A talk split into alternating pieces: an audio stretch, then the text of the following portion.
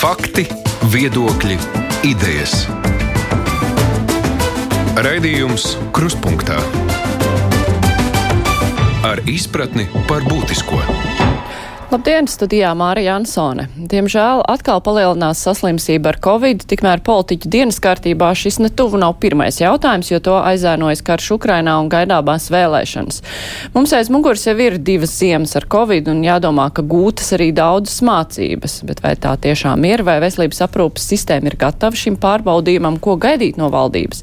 Par to visu un arī citiem jautājumiem saruna ar Rīgas Stradiņu universitātes lektoru veselības vadībā, arī politoloģi jau bija Kau. Labdien! Labdien! Tas miers, kas valda, ja mēs runājam par covid, nu pat ziņās dzirdējām, saslimstība ir pieaugusi ļoti būtiski. Tajā pašā laikā, nu, ir klusums, pilnīgs klusums gan no valdības puses, nu, ja vien žurnālisti tur īpaši nevaicā. Un arī cilvēki šķiet negrib par to neko dzirdēt. Vai šis miers, vai mēs varam atļauties šādu mieru, kā jums šķiet? Es domāju, ka uh, cilvēkiem ir jāsāk domāt par šo problēmu, jo tas Covid diemžēl ir. Un uh, arī kā, kā runā epidemiologi, tas pats Jurijs Prevoščikovs jau ar vien biežāk parādās uh, ziņās. Arī, arī epidemi, sabiedrības veselības eksperts profesors Brīdis jau sāk runāt par šiem jautājumiem. Un, nu, šeit droši vien mums ir jāpaļaujas uz šo patiešām ekspertu viedokli, kuri saka, ka tomēr cilvēkiem vajadzētu jau sākt piedomāt par to, uz kurus pasākumiem patiešām iet un no kuriem varbūt uh, izvairīties. Un, uh, man ir sajūta, ka uh, samērā drīz mēs atgriezīsimies pie masku nesāšanas, uh, jo, nu, kā mēs redzam, šie skaitļi pieaug. Uh, Manuprāt, labā ziņa ir tā, ka šobrīd slimnīcās ir samērā maz šo hospitalizēto pacientu. Arī mirušo pacientu skaits nav tāds kā iepriekšējos viļņos kas varbūt ir skaidrojams ar to, ka tomēr lielākā daļa sabiedrības ir saņēmušas vismaz vienu vai divas, cits varbūt trīs vakcīnas, un tā imunitāte ir pietiekami laba, lai izvairītos no smagas slimības gaitas. Uh, Uh, bet, nu, uh, kas man liekas, ka tomēr veselības aprūpe arī mēs redzam, cik daudz finansējumu tika ieguldīts uh, tieši infrastruktūras uzlabošanā, tāpat tās dažādi pētījumi tika veikti. Līdz ar to, ja salīdzina ar situāciju pirms diviem gadiem, kad tas bija nezināmais, kad nebija ne medikamentu, ne īsti arī bija zināms, uh, kā, kā šos pacientus pareizi ārstēt un ko prognozēt un kādi ir šie paliekošie bojājumi, tad šobrīd jau mums šī zināšanas ir. Un eh, tas, kas mani varbūt nedaudz mierina, ir tas, ka es zinu, es esmu redzējis, ka ministra kabinetā ir pieņemts šīs te, uh, četru scenāriju eh, plāns, kā, kā rīkoties.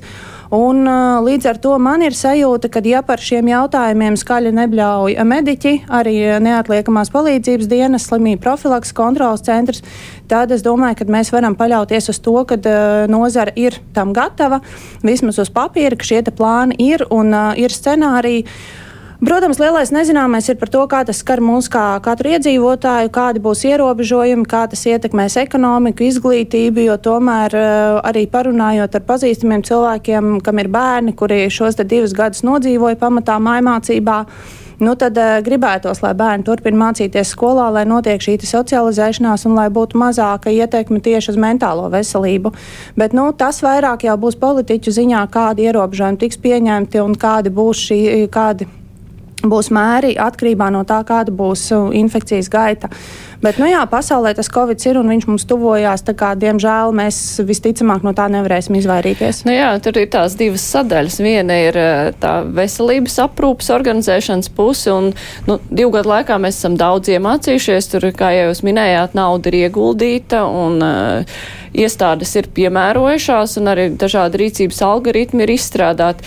Bet otra sadaļa, kas varbūt ir pat grūtāka, ir tieši sadarbība ar iedzīvotājiem, jo no viņiem ir ārkārtīgi daudz atkal, atkarīgs, no viņu uzvedības ir ļoti daudz atkarīgs. Nu, kā tad tā situācija attīstīsies, šī sadarbība ar iedzīvotājiem, vai tas varētu būt tas grūtākais arī brīdī, kad valdībai nu, varbūt nāksies lemt par tiem ierobežojumiem?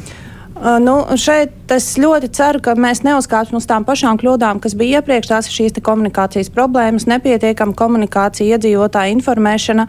Jo nu, man jums ir jāpiekrīt, ka šobrīd šī informācija ir maz uh, mēdījos pieejama. Protams, uh, kas meklē, tas atrod datus par katru dienu inficēto skaitu un, un, un, un stacionētiem pacientiem, bet šobrīd patiešām tā tēma ir savā ziņā novirzīta malā. Bet, nu, Atgriežoties pie tā paša jautājuma par veselības aprūpi, jā, ir gatavi, ir, ir, ir veiktas investīcijas, ir veiktas dažādas pārbūves, uzņemšanas nodaļu, pilnveidošanas, gultas iepirkts un tam līdzīgi, bet eh, tas negatīvais efekts, ko radīja Covid ar šiem ierobežojumiem un veselības aprūpas noteiktu pakalpojumu slēgšanu dēļ Covid, protams, ir radījis eh, arī negatīvas ietekmes uz kroniskiem pacientiem kopumā. Veselības iedzīvo, eh, iedzīvotāju veselības stāvoklis ir pasliktinājies.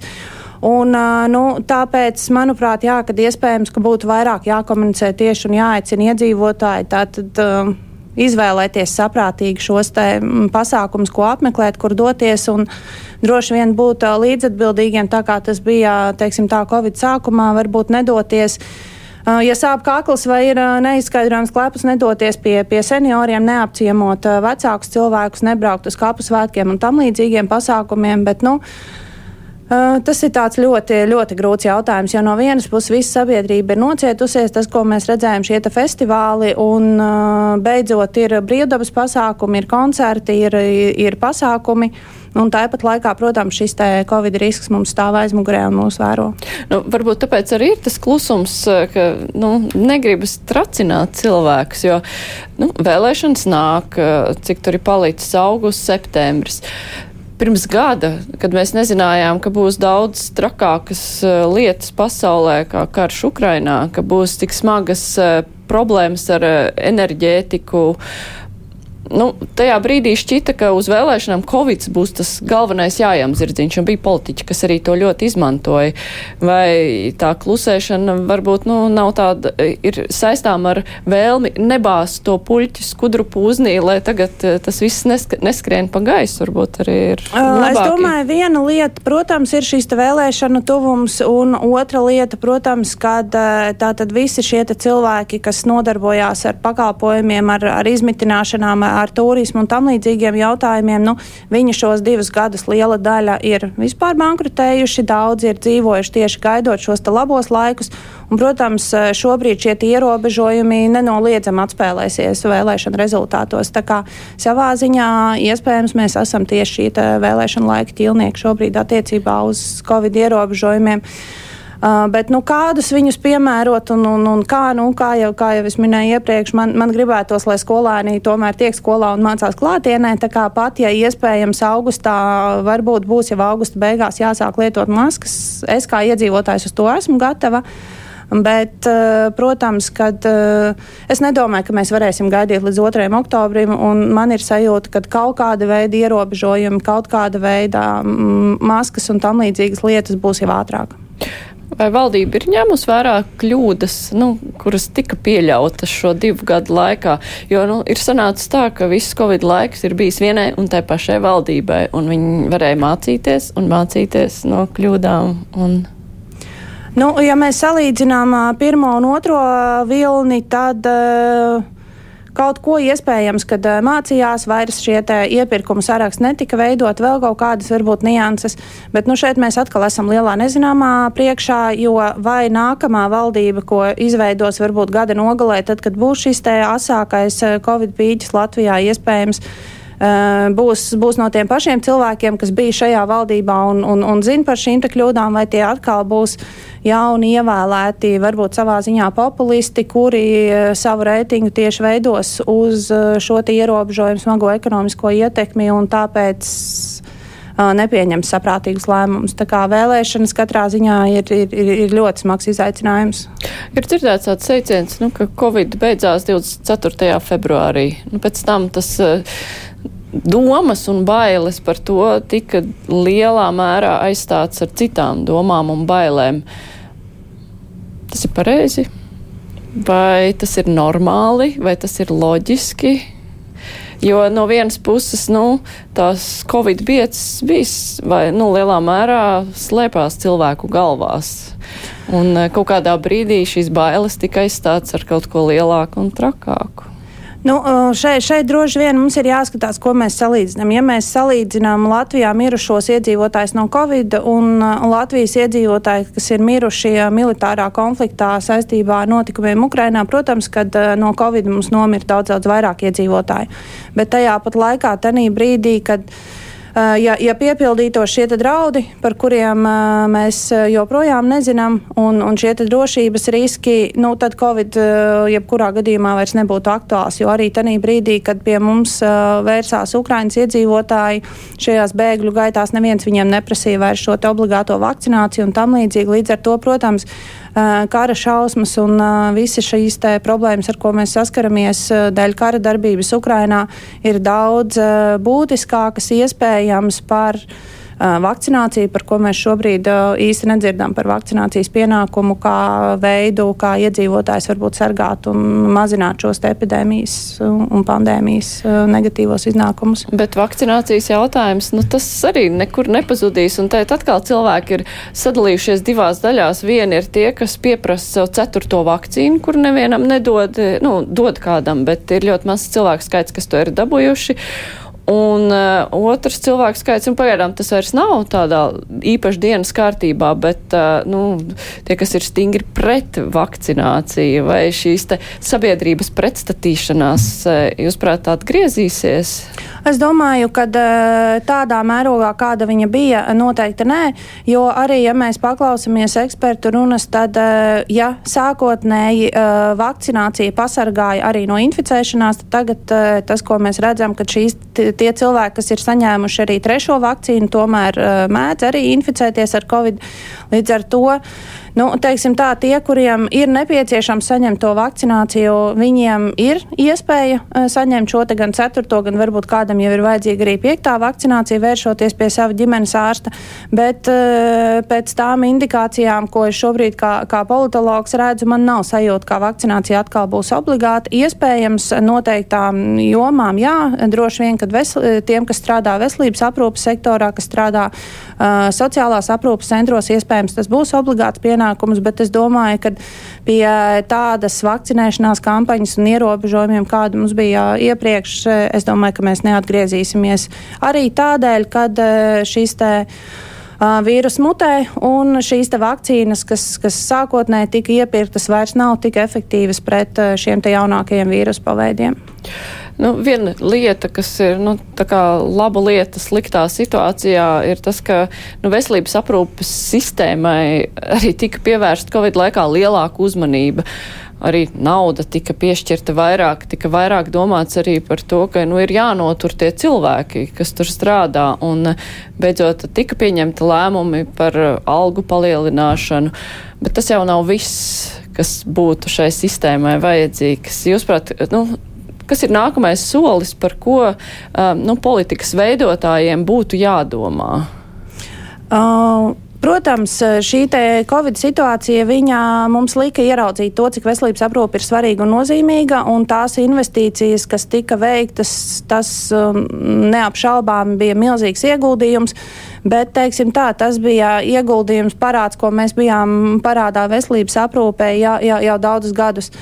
Un runājot par eh, cilvēku resursu, jā, pateicoties šīm piemaksām tieši aktīvākajā Covid laikā, ir, ir dzirdēts, ka eh, nozarē atgriezās cilvēki, kas varbūt bija aizgājuši un strādāja.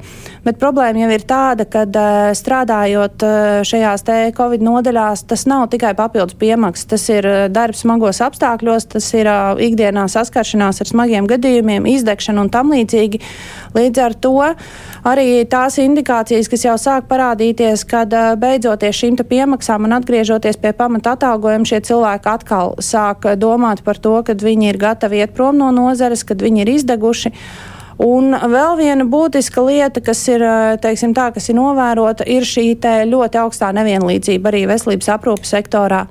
Ir atsevišķas eh, teiksim, tā, mediķu grupas vai, vai ārstu grupas, kurām ir ļoti labi ienākumi, kur ir ļoti labs atalgojums, eh, bet eh, vislielākā problēma ir tieši ar šo vidējo personālu, ar medicīnas māsām, ar ārstu palīgiem, par ko runā arī neatliekamās medicīnas palīdzības dienests. Un līdz ar to Uh, es domāju, ka uh, nākamajai valdībai vienalga būs jāatgriežas pie jautājuma par to, ka medicīnas aprūpē ir jāpalielina finansējums, un uh, mēs jau varam aizvērt acis un neredzēt uh, sevi uh, blakus pārējām Eiropas valstīm, bet no Latvijā mums ir tas finansējums arī ar pašreizējām papildus naudām vienalga zemāks kā citur Eiropā, un uh, vēl sabiedrības veselības pamatnostādnēs bija ierakstīta apņemšanās uh, palielināt šo veselības aprūpas finansējumu līdz 7% no IKP. Tā kā es domāju, ka ja mēs gribam saglabāt šo veselības aprūpi vismaz tādā stāvoklī, kādā viņi ir šobrīd ar cilvēku resursiem, tad būs nepieciešami papildus ieguldījumi. Nu jā, jo no šīs sistēmas, kam šī sistēma ir veidot iedzīvotājiem, lai viņi var saņemt pakalpojumus. Un, eh, nu, lai arī ir domāts arī par to, lai palielinātu algas mediķiem, nu, tās rindu problēma ir joprojām saglabājusies. Tas nozīmē, ka nu, ar to vien nepietiek. Jā, nu rindu problēmai atkal ir uh, divi cēloņi. Jā, piemēram, pāris gadus uh, atpakaļ uh, arī, arī man jau vajadzēja kādu pakalpojumu. Es zvanīju uz kādu no lielajām klīnikām un uh, man prasīja, vai es vēlos valsts apmaksātu pakalpojumu. Visbiežāk bija jāgaida pusgads un vairāk, bet uh, par maksu vai par apdrošināšanas polisi varēja paņemt, uh, saņemt šo pakalpojumu praktiski vai nu tajā pašā nedēļā vai nākamajā. Tad šobrīd šāda situācija varbūt ir atsevišķos gadījumos veiksmas gadījums, bet arī uz uh, maksas sektoru šie uz pierakstu ir jāgaida pietiekami ilgi, kas tomēr liecina par to, ka ir runa ne tikai par to, ka ir nepietiekams kvotas, tātad šis finansējums, ko nodrošina valsts apmaksātiem pakalpojumiem, bet tomēr arī šī speciālistu pieejamība joprojām ir uh, ir apgrūtinošs faktors, kādēļ tiek atliktas uh, gan operācijas atsevišķos gadījumos, gan konsultācijas, gan arī, uh, protams, šie izmeklējumi. Bet jā, nu, tā, tas arī, ar ko iepriekšējā ministra varbūt savā retorikā bija mazliet skarbi nostādot pacientus uh, pret ārstiem.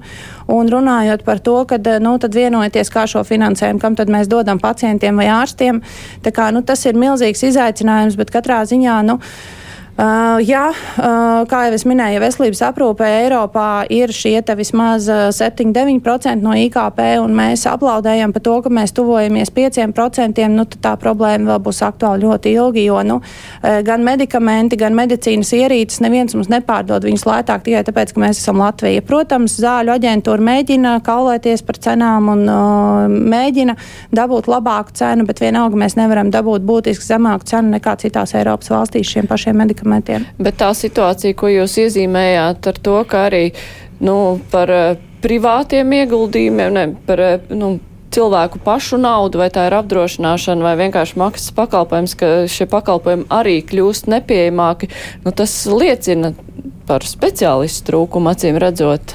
Tieši tā, jā, nu, mums tas speciālistu trūkums ir milzīgs, jo arī veicot savu pētījumu, es salīdzināju, ja 90. gados sākot veselības aprūpes pārmaiņas no, no padomju režīma uz, uz mūsu neatkarīgās valsts režīmu, mums bija drusciņi par daudz ārstu, bet medmāsas mums jau tobrīd pietrūka. Tad šo 30 gadu laikā reformēt veselības aprūpi mēs esam situācijā, kad mums pietrūks ne tikai medmāsas, kuras salīdzinot ar Eiropas rādītājiem uz iedzīvotāju skaitu mums ir uz pusi mazāk nekā vajadzētu bet arī ārstu skaits jau netika kritiski pietrūks, bet arī ir uh, mazāks nekā būtu vajadzīgs pret iedzīvotāju skaitu.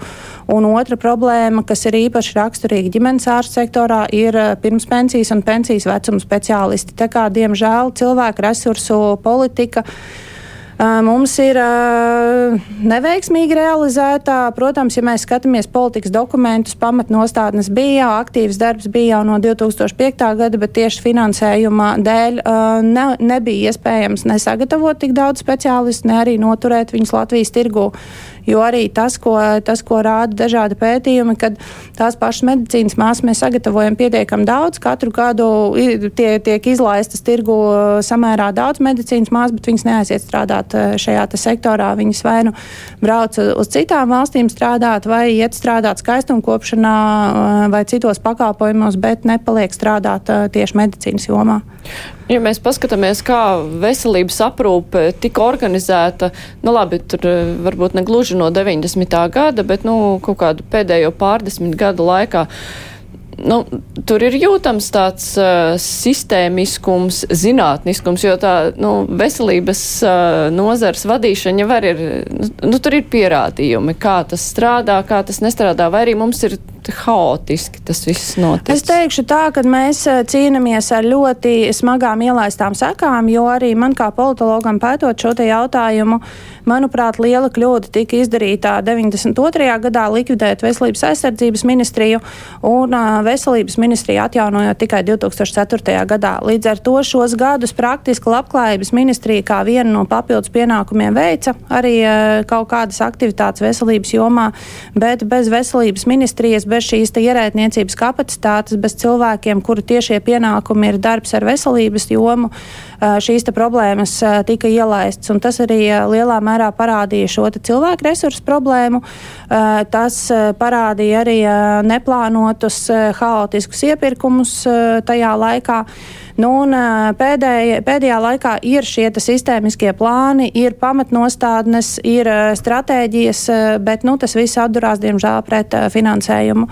Un tas, kas notika ekonomiskās krīzes laikā 2008. un 2009. gadā, kad bija šiem mediķiem normālais pagarinātais darba laiks, jeb neapmaksātas virsstundas, kad bija šī algu samazinājumi, nu, tās ir milzīgas sekas, ar ko mēs joprojām cīnāmies, bet teiksim, tā, tādas gaismu tuneļa galā principā, manuprāt, parādījās 2017. gadā, kad patiešām tika pieņemts šis veselības aprūpas finansēšanas likums, kad bija plānots mainīt finansēšanas modeli.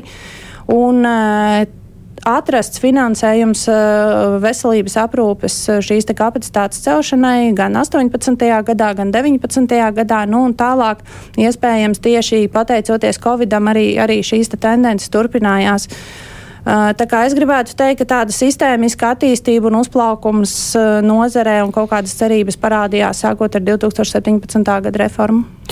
Um, Daudz uh, muļķāts jautājums ir par uh, obligātu veselības apdrošināšanu tādā izpratnē, nu, ka cilvēki veic kaut kādas būtiskas iemaksas un tikai tad saņem uh, veselības aprūpas pakalpojumus. Uh, nu, Tur tika piedāvāti dažādi varianti, kas arī bija kā kompromiss, kur gal galā nepieņēma, bet uh, pagaidām tas procents no sociālā nodokļa, kas iet tieši veselības aprūpē, nu, ir salīdzinoši mazs, un, protams, ka tos uh, caurums nevar aizlāpīt.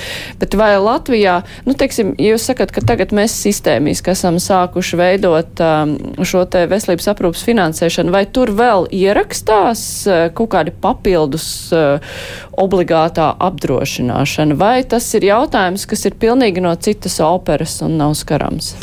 Nu, um, atgriežoties pie jautājuma, kā šis te modelis, kuru 17. gadā arī pieņēmā, kuru iepriekš virzīja vairāk kārt, tā, nebūtu nebija jauna tēma, tā, tā tika vairāk kārt Latvijā meklēta kā panecēja veselības aprūpas finansēšanai. Uh, bet, teiksim tā, uh, principā 18.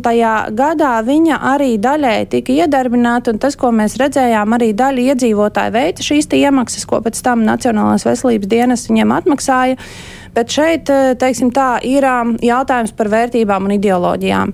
Un eh, pastāv tātad globāli šie divi virzieni. Pirmais ir, kad mēs paši esam par sevi atbildīgi, mēs pērkam polisiju un uh, saņemam, ja mums ir polisija, saņemam pakalpojumus nedaudz it kā skatoties arī amerikāņu filmas un tam līdzīgi, kad uzņemot, iebraucot uzņemšanā, pirmais jautājums ir, vai jums ir polisija.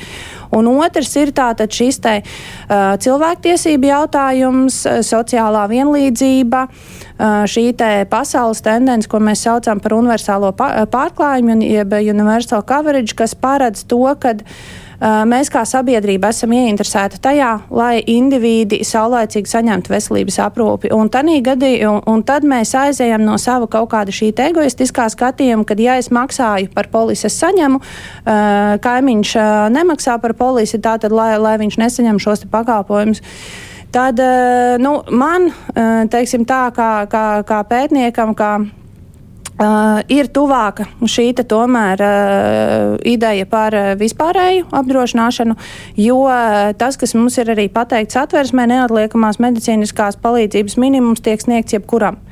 Un uh, šīs pacients, kurš saulēcīgi nevar vērsties pie ģimenes ārsta, nevar saņemt savus, uh, piemēram, asinsspiedienu kontrolējošos medikamentus vai cukura diabētam vai, vai vēl kādai saslimšanai medikamentus, viņš agri vai vēl nonāks šajā neatliekamās palīdzības sektorā, kur jau ārstēšana būs vēl dārgāka, vēl, vēl smagāka.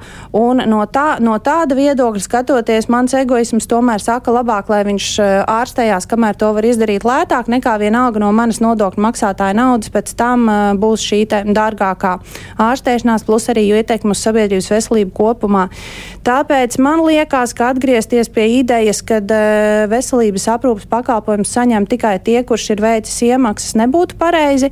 Ja mēs skatāmies Eiropas pieredzi, kaut vai to pašu Nīderlandes vai Vācijas tirgu, kur ir obligātā veselības apdrošināšana, Nu, šeit ir jāsaprot vēl viena lieta, ka Latvijā mums ir milzīga sabiedrības nevienlīdzība, arī domājot par šo polises cenu, ja, piemēram, tā polises cena būtu 250 eiro rīdziniekam ar Rīgas ienākumiem, iespējams, tas būtu paceļama šī cena. Savukārt šie paši 250 eiro iespējams lauku iedzīvotājiem, kuram ir neregulāri ienākumi vai kurš strādā par, par, par skolotāju vai, vai, vai par pedagogu vai par sociālās aprūpes darbinieku, šī cena būs nepaceļama. Līdz ar to tieši dēļ šīs sabiedrības nevienlīdzības jautājuma arī mēs nevaram skatīties un ieviest tādu modeli kā Nīderlandē.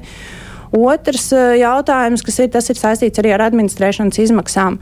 Jo tā tad visa šī poliša sistēma, tā, tās ir administratīvās izmaksas, un ja tajā pašā Nīderlandē viņas sadalās uz 13 miljoniem iedzīvotāju, tad Latvijā šīs izmaksas mums būtu jāsadz ar saviem 1, gan nu, nepilniem 2 miljoniem. Tā kā arī, arī pētot šo jautājumu, es atnā, nonācu pie atziņas, eh, ko jau vairāki gan pētnieki, gan darba grupas bija secinājuši, ka nē, šāda veselības apdrošināšanas poliša finanšu kārtība Latvijā nebūtu piemērota sistēma. Cita lieta, protams, kad arī, arī tas, ko savulaik virzīja veselības ministrija vēl iepriekšējās nodokļu reformas ietvaros, kad tomēr būtu jāveic kaut kādas iemaksas, bet tās tiktu administrētas savādāk. Un tātad veselības aprūpas pakalpojums tiktu sniegts, bet tālāk personai būtu caur uh, vidu šiem administrējumiem nodokļiem tomēr jāveic tā iemaksa. Tā kā, nu, ja mums ir nepieciešams papildus finansējums un vienīgais veids, kā pie tā nonākt, ir caur šīm iemaksām, Tādēļ es atbalstītu tādu risinājumu, bet nevis tādu, ka tev slimnīcā sūta mājās, bet ka tiešām pēc tam tu norēķinies jau caur valsts ieņēmumu dienestu vienā vai otrā veidā, bet uh, veic šo iemaksu. Bet nu, kopumā izskatās, uh, ka, ja mēs gribam vairāk naudas medicīnā, nu, tad uh, valsts budžetā arī būs jāatrod tā nauda. Jā, nu šeit, šeit ir tas jautājums, ka, piemēram, arī salīdzinot eh, no tā pašā pētot veselības politiku no 90. gada, uh, mēs esam par divām trešdaļām samazinājuši slimnīcu skaitu. Un tad vienmēr man ir jautājums, vai tiešām mums arī skolu skaits ir samazinājies par divām trešdaļām, vai tiešām izglītības sektors ir pietiekami efektīvs. Es saprotu, ka šajā, šajā brīdī es uh, raidu ļoti asu diskusiju par šo skolu reformu, jo arī, arī skolotājiem nepietiek atalgojumi un tam līdzīgi.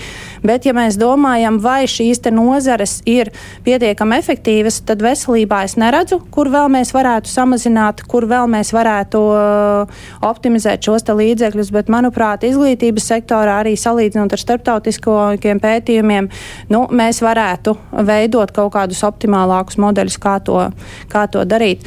Protams, arī veselības aprūpē ir iespējas, kur vēl varētu kaut ko efektivizēt. Bet līdzīgi kā runājot arī piemēram par mājas siltināšanas problēmu vai tam līdzīgām lietām, lai kaut ko padarītu efektīvāku, bieži vien ir nepieciešami ieguldījumi. Ja mums uh, mājā ir, uh, ir slikta apkura, nu tā tad mēs, mēs nevaram vienkārši pateikt, jūs teikt, mēs jums dosim mazāk naudu, kuriniet savādāk. Tā tad ir jāveic investīcijas. Un līdzīgi arī tātad veselības aprūpē arī šobrīd ir šī jaunā tendence iet uz vērtībā balstītu veselības aprūpi, kad uh, katrai, katrai ārstēšanai tiek fiksēti ne tikai šie dzīvības rādītāji, cik ilgi cilvēks pēc, eh, pēc noteiktas eh, operācijas vai manipulācijas izdzīvo, bet arī kāda ir dzīves kvalitāte, kādas ir izmaksas. Nu, eh, tas ir veids, kā padarīt veselības aprūpi efektīvāku un pieņemt labākus lēmumus, bet tur atkal ir jāveic investīcijas. Un investīcijas ļoti plašas, kas ir gan pētniecībā, gan arī datu vākšanā, datu analīzē. Bet, nu, ja mēs gribam iet uz šo te efekt, vēl efektīvāku veselības aprūpi, nu, tad tas ir tikai caur vēl papildu investīcijām. Nu, viena lieta, kur eh, tomēr līdzekļi nav tikuši tērēti liederīgi Protams, nav tā, ka par šiem līdzekļiem varētu kaut ko ļoti būtiski mainīt visā veselības aprūpē, bet nu, e-veselība ir tāds viens piemērs, kur ir ieguldīts ļoti daudz naudas un rezultāta nav. Un tagad to visu taisīs pa jaunam. Um, kādas tur galvenās kļūdas tika pieļautas? Nu, tik ilgi būvēja to e-veselību un beigās tā izrādījās nederīga. Um, es teiktu, tā, ka, um, ja mēs paskatāmies vēsturē, tad koncepcija par to, ka Latvijā tiks attīstīta e-veselība, tika pieņemta 2005. gadā, un pirmās izstrādes parādījās 2008. un 2009. gadā. Un arī, teiksim, tā reflektējot uz mūsu ikdienu, nu, arī es nesagaidu no 2008. gada mobilā tālruņa, ka viņš nodrošinās manas šodienai vajadzīgās iespējas. Līdz ar to viena no atbildēm ir tā, ka tā sistēma ir novecojusi, kad eh, šīs te tehnoloģijas, kas tika izvēlētas sākot viņu būvēt, ir novecojušas. Tas nozīmē, ka mēs pa ilgu būvējām to e-veselību. Principā jā, jo, ja, piemēram, Igauni sāka vēlāk par mums eh, un palaida viņu iedarbināja ātrāk, tad mēs, teiksim, tā ar to iedarbināšanu muļājāmies ļoti ilgi. Vairāki ministri atlika e-veselības palaišanu gan savā laikā Gunts Belēvičs, kad vajadzēja izšķirties, vai mēs pārtraucam veselības attīstību un riskējam zaudēt Eiropas eh, šo finansējumu, vai turpinam viņu mocīt, pieņēma lēmumu, ka tomēr turpinam veco sistēmu attīstīt, pēc tam arī Nākamā ministra Anna Čakša, kuras laikā tika iedarbināta e-veselības obligāta lietošana tajā daļā, kas attiecās uz darba nespējas lapām un e-receptēm, turpināja šo ceļu. Nu, un jaunajiem ministriem varbūt teiksim, tā pie, pietika kaut kāda politiskā drosme pateikt, ka šo veco sistēmu mēs vairs neattīstīsim, taisīsim jaunu. Bet savā ziņā, nu, protams, kaut kas labs tā ir, jo vismaz e, tas, ko parādīja Covid laiks, ka šīs elektroniskās receptes, elektroniskās darba nespējas lapas un daļēji arī uh, nosūtījumi, kad vajadzēja saņemt šos nosūtījumus strādāja. Protams, ka tā sistēma neatbilst mūsdienu prasībām.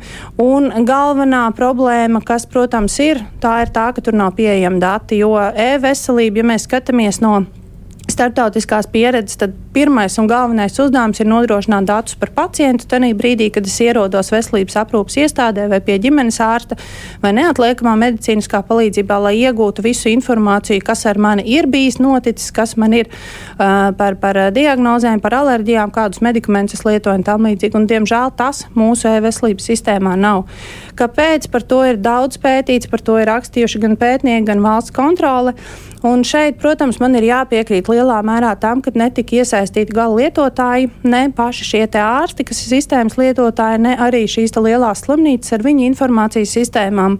Un arī uh, mūsu, mūsu universitātē tika, tika veikts viens īpašs maģistra darbs, kas tieši šai tēmai bija veltīts. Un kāpēc mūsu e-veselības sistēma strādā, bet ir tik tukša, un tur tika atzīts, ka lielā mērā tas ir tāpēc, ka netika saulēcīgi izstrādāts vadlīnijas un standarti, kā šī informācija būtu jāievada ārstniecības iestādēm. Un, e, savukārt privātais sektors attīstot savas sistēmas, pēc tam jau, lai pielāgotos šai kopējai sistēmai, bija vajadzīgas milzīgas investīcijas. Tā kā, teiksim tā, nu, lai arī, kā, kā, kā man bieži saka, man neviens ministrs nav labs, un es kritizēju vienmēr un visus, bet nu, tādā ziņā, protams, šī uzdrīkstēšanās pieņemt lēmumu, kad šī sistēma ir jātaisa ciet un jāattīsta kaut kas jauns, protams, ir, ir laba, ir pareiza, jo esošā sistēma ilgtermiņā nav attīstāma un sasniedzama līdz tādai uh, kondīcijai, lai viņi nodrošinātu šo visu, kas ir nepieciešams mūsdienu veselības aprūpei. Uh, bet, nu, teiksim tā, bieži vien cilvēkiem ir iespējas, ka šo naudu varēja novirzīt un izmantot labāk, bet te ir jāņem vērā arī tas, ka tā nauda, kas tiek iegūta no Eiropas finansējumiem infrastruktūrai, mēs viņu nevaram novirzīt ne ģimenes ārstiem, ne medicīnas darbinieku atalgojumiem, ne studentu apmācībai. Līdz ar to tie, kas ir nauda, kas ir paredzēta dažāda veida tā saucamajām digitālām transformācijām vai procesu uzlabošanai, izmantojot informācijas tehnoloģijas, viņa nav pielīdzināma un ieliekama tajā pašā groziņā, ko mēs varam dot pacientiem kompensējumu medikamentu palielināšanai vai atalgojumu celšanai. Bet tajā pašā laikā e-veselības. Nu, tas, ka būtu e-veselība ar visām funkcijām, kuru tur nav, uh, pieejami izmeklējumi, dažādas analīzes, nu, visa informācija mm -hmm. par pacientu. ko bieži vien cilvēks aiziet pie ārsta, viņam prasa, lai viņš taisa to visu no jauna. Uh, nu, tā jau arī būtu naudas taupīšana. Tur es jums pilnībā piekrītu, jā, un diemžēl nu, tas ir. Pirmkārt, tas ir mēs iepriekš runājam par to, ka mums trūks speciālistu. Nu, un lielā mērā parasti, ko dara tas speciālists, viņš šķirsta vienu, otru, trešo kartiņu, viņš pārskata vienu, otru sistēmu, lai dabūtu kopējo bildi par savu pacientu. Ja tas nav hroniskais pacients, kas pie viņa nāk divreiz gadā, bet ja tas ir pacients, kas atnāk retāk, protams, kad arī tiek neliederīgi patēlēts laiks šīs informācijas savākšanai. Un uh, vēl viena lieta, ar ko, ko es arī esmu intervējot dažādus ārstus saskārusies, kad reizēm izmeklējumi, kas ir veikti vienā iestādē, nav atverami un apskatām citā. Tā kā nenoliedzami mums ir jāiet uz to, nu, teiksim tā, privātais sektors bieži vien iet priekšu, un tas, ko mēs arī kā pacienti, gan jau, ka katrs no mums ir skatījies vai no analīžu izmeklējums tajā pašā datamedu sistēmā, gulbjā, laboratorijā, centrālās laboratorijas informācijas sistēmā un tam līdzīgi. Nenoliedzami tas palīdzētu arī ārstiem strādāt efektīvāk un mazāk laiku veltīt tam, lai meklētu šos izmeklējumus. Un otra lieta arī tātad pacientam tomēr arī eh, intervējot ārstus ir gadījumi, ka pacients atnāk uz vizīti un viņš nav sagatavojies. Viņš varbūt no Lūdas ir braucis uz, uz Stradiņas slimnīcu vai uz Austrumu slimnīcu uz konsultāciju, un viņam nav kaut kāda izmeklējuma līdzi. Un um, beigās sanāk, ka gan šī vizīte ir savā ziņā bezjēdzīga pacientam un ārstam, jo kamēr nav izmeklējuma, viņš nevar sniegt šo viedokli. Labā lieta, kas eh, varētu vēl būt eh, Covid laikā, protams, bija tās attālinātās konsultācijas. Bet arī šeit viedokļi ir ļoti dažādi. Daži ārsti un pacienti arī intervijās norāda, ka viņi ir ļoti laimīgi ar telemedicīnas pakalpojumiem un, un šo iespēju piezvanīt ārstam, izrunāt un nebraukt uz Rīgu, varbūt uz vizīti, kas ir ļoti pozitīvi. No otras puses, teiksim tā, ka liela daļa šo te telefonu konsultāciju, kas tika veikta tieši nevis video zvanā, bet telefonā, uh, rāda dažādus riskus un apgrūtinājumus arī pašam ārstam, jo, ja viņš neredz pacientu, ja tas nav viņam zināms pacients, tad, uh, diemžēl, ir arī uh, nepareizas diagnostikas riski, ir iespēja, ka pacients kaut ko noklusē, nepasaka, ko varbūt ienākot vizītē un redzot, tas ārsts reiz novērtētu, vai arī, piemēram, Tajā pašā video zvanā var redzēt, ka tas cilvēks ir noguris, ka viņam varbūt ir rādas krāsa ne tāda, vai, vai, vai lūpu, lūpas uh, gaiša zilā krāsā, kas par kaut ko varētu liecināt. Tā kā visas šīs lietas, ko. Uh, līdz ar to, jā, kaut kas labs tenī bija. Līdz ar to telemedicīna būtu jāattīsta, būtu jāveicina, jo, protams, varbūt ir lietas, ko var izdarīt pa telefonu vai, vai video sazvanā, bet nu, tā tad arī, arī tas, ko parādīja intervijās ārsti, kad ne visi bija apmierināti ar to, kā šī sistēma tika organizēta. Protams, ārkārtas situācijā, kad nekā labāka nebija, tas bija risinājums, bet daļa ārstu ir gatavi noteiktu pacientu daļu konsultēt attālināti video zvanā vai telefonu zvanā, bet eh, daļa, daļa ārstu tomēr norāda uz to, ka eh, šīs konsultācijas nav pietiekami kvalitatīvas salīdzinot ar klātienes konsultāciju, īpaši pirmreizējās konsultācijas. Ja mēs taisam e-veselību no jauna un iepriekšējās e-veselības, nu pašreizējās mm -hmm. e-veselības problēma bija tā, ka tas laika ziņā tik, tik ļoti iestiepts, ka sistēma bija novecojusi. Nu, cik ātri vajadzētu izveidot šo jauno, lai neatkārtotu šo pašu kļūdu, vai arī ir vienkārši nu, kaut kur jāskatās, jāņem kaut kāds gatavs produkts? Ar tiem gataviem produktiem tā ir panacēja, ko mēs bieži vien uh, skatāmies kā, kā, kā iespējamo ātrāko risinājumu, bet nu, arī, arī, arī man strādājot šajā sektorā, man gribās tā, uh, tie, tiem ārstiem, kas man saka, paņemiet Zviedrijas sistēmu un pielāgojiet mums. Un tad brīdī ir jautājums, vai jums veselības aprūpe ir organizēta kā Zviedrijā. Jo bieži vien tā, tad, lai mēs paņemtu citas valsts sistēmu, mums ir jāpielāgo procesi tā, lai tā sistēma būtu identiska. Pretējā gadījumā tā uh, pārņemtā programma ne tikai nepalīdzēs, bet varbūt radīs jaunus apgrūtinājumus. Savukārt, atbildot uz pirmo jautājumu, ko darīt savādāk, lai nebūtu tik ilgi, nu, uh, pasaulē šobrīd ir tā tā saucamā spējā vai, vai agile metode vai ātrās izstrādes metode, kad mēs darām kaut ko pa mazam gabaliņam un iedarbinām. Nevis izstrādājam lielu, milzīgu sistēmu, kuru palaižam pēc pieciem vai desmit gadiem, bet sākam ar maziem atsevišķiem moduļiem, ko, ko veido un pēc tam pielāgo un, un apaudzē šo sistēmu. Un, cik es esmu dzirdējusi arī ministrijas prezentācijas, gan no ministra, gan no vadošiem ierēģiem, tad principā arī skatās uz šādu virzienu, kas būtu vai no pilotu projekti, kad palaiž kaut kādā noteiktā jomā, noteiktā slimnīcā šo produktu aprobē un tad laiž laiž tālāk. Un eh, tas arī bija tas, ko norādīja valsts kontrole, analizējot e-veselības ieviešanu, ka lielā mērā tieši šī trīs lielie neatkarīgie projekti, kurus savstarpēji pēc tam bija problemātiski salāgot un palaist, bija viens no iemesliem, kāpēc mums aizgāja tik slikti. Līdz ar to droši vien būtu jāiet pa mazam gabaliņam un jāattīsta pa mazam gabaliņam uzreiz lietojot, tad arī varbūt tās kļūdas būs mazākas. Un tas eh, kopīgais projekts, tad pēc cik gadiem vajadzētu būt? Uh... Man patīk šis apzīmējums digitālā, digitālā veselības sistēma, jeb ekosistēma, kas paredz to, ka kaut kas no esošā, piemēram, tās pašas e-receptes, kamēr viņas labi darbojās, mēs viņas nepārtaisam. Mēs koncentrējamies uz tām jaunajām lietām, kas mums pietrūkst. Un, nu, teiksim tā, IT, IT jomā, man liekas, tie desmit gadi, nu, tas ir tāds kritiskais posms, kad jau tas, kas ir izstrādāts, jau sāk novecot. Tā kā es domāju, ka, nu, ja nākamā valdība neturpinās šo esošā ministra prioritāti un uz četriem gadiem neko neattīstīs e-veselībā, tad es baidos, ka tas atkal būs nokavēts. Skatīsimies, kā būs nākamajā valdībā un kā būs e-veselība, vai jauna parādīsies ātrāk nekā, piemēram, vilcienu uz Berlīni, bet nu, to tikai laiks rādīs. Es saku paldies. Šodien kopā ar mums bija Rīgas Stradiņa universitātes lektora un arī politoloģe Ieva Bikava, bet mēs turpināsim ar brīvo mikrofonu.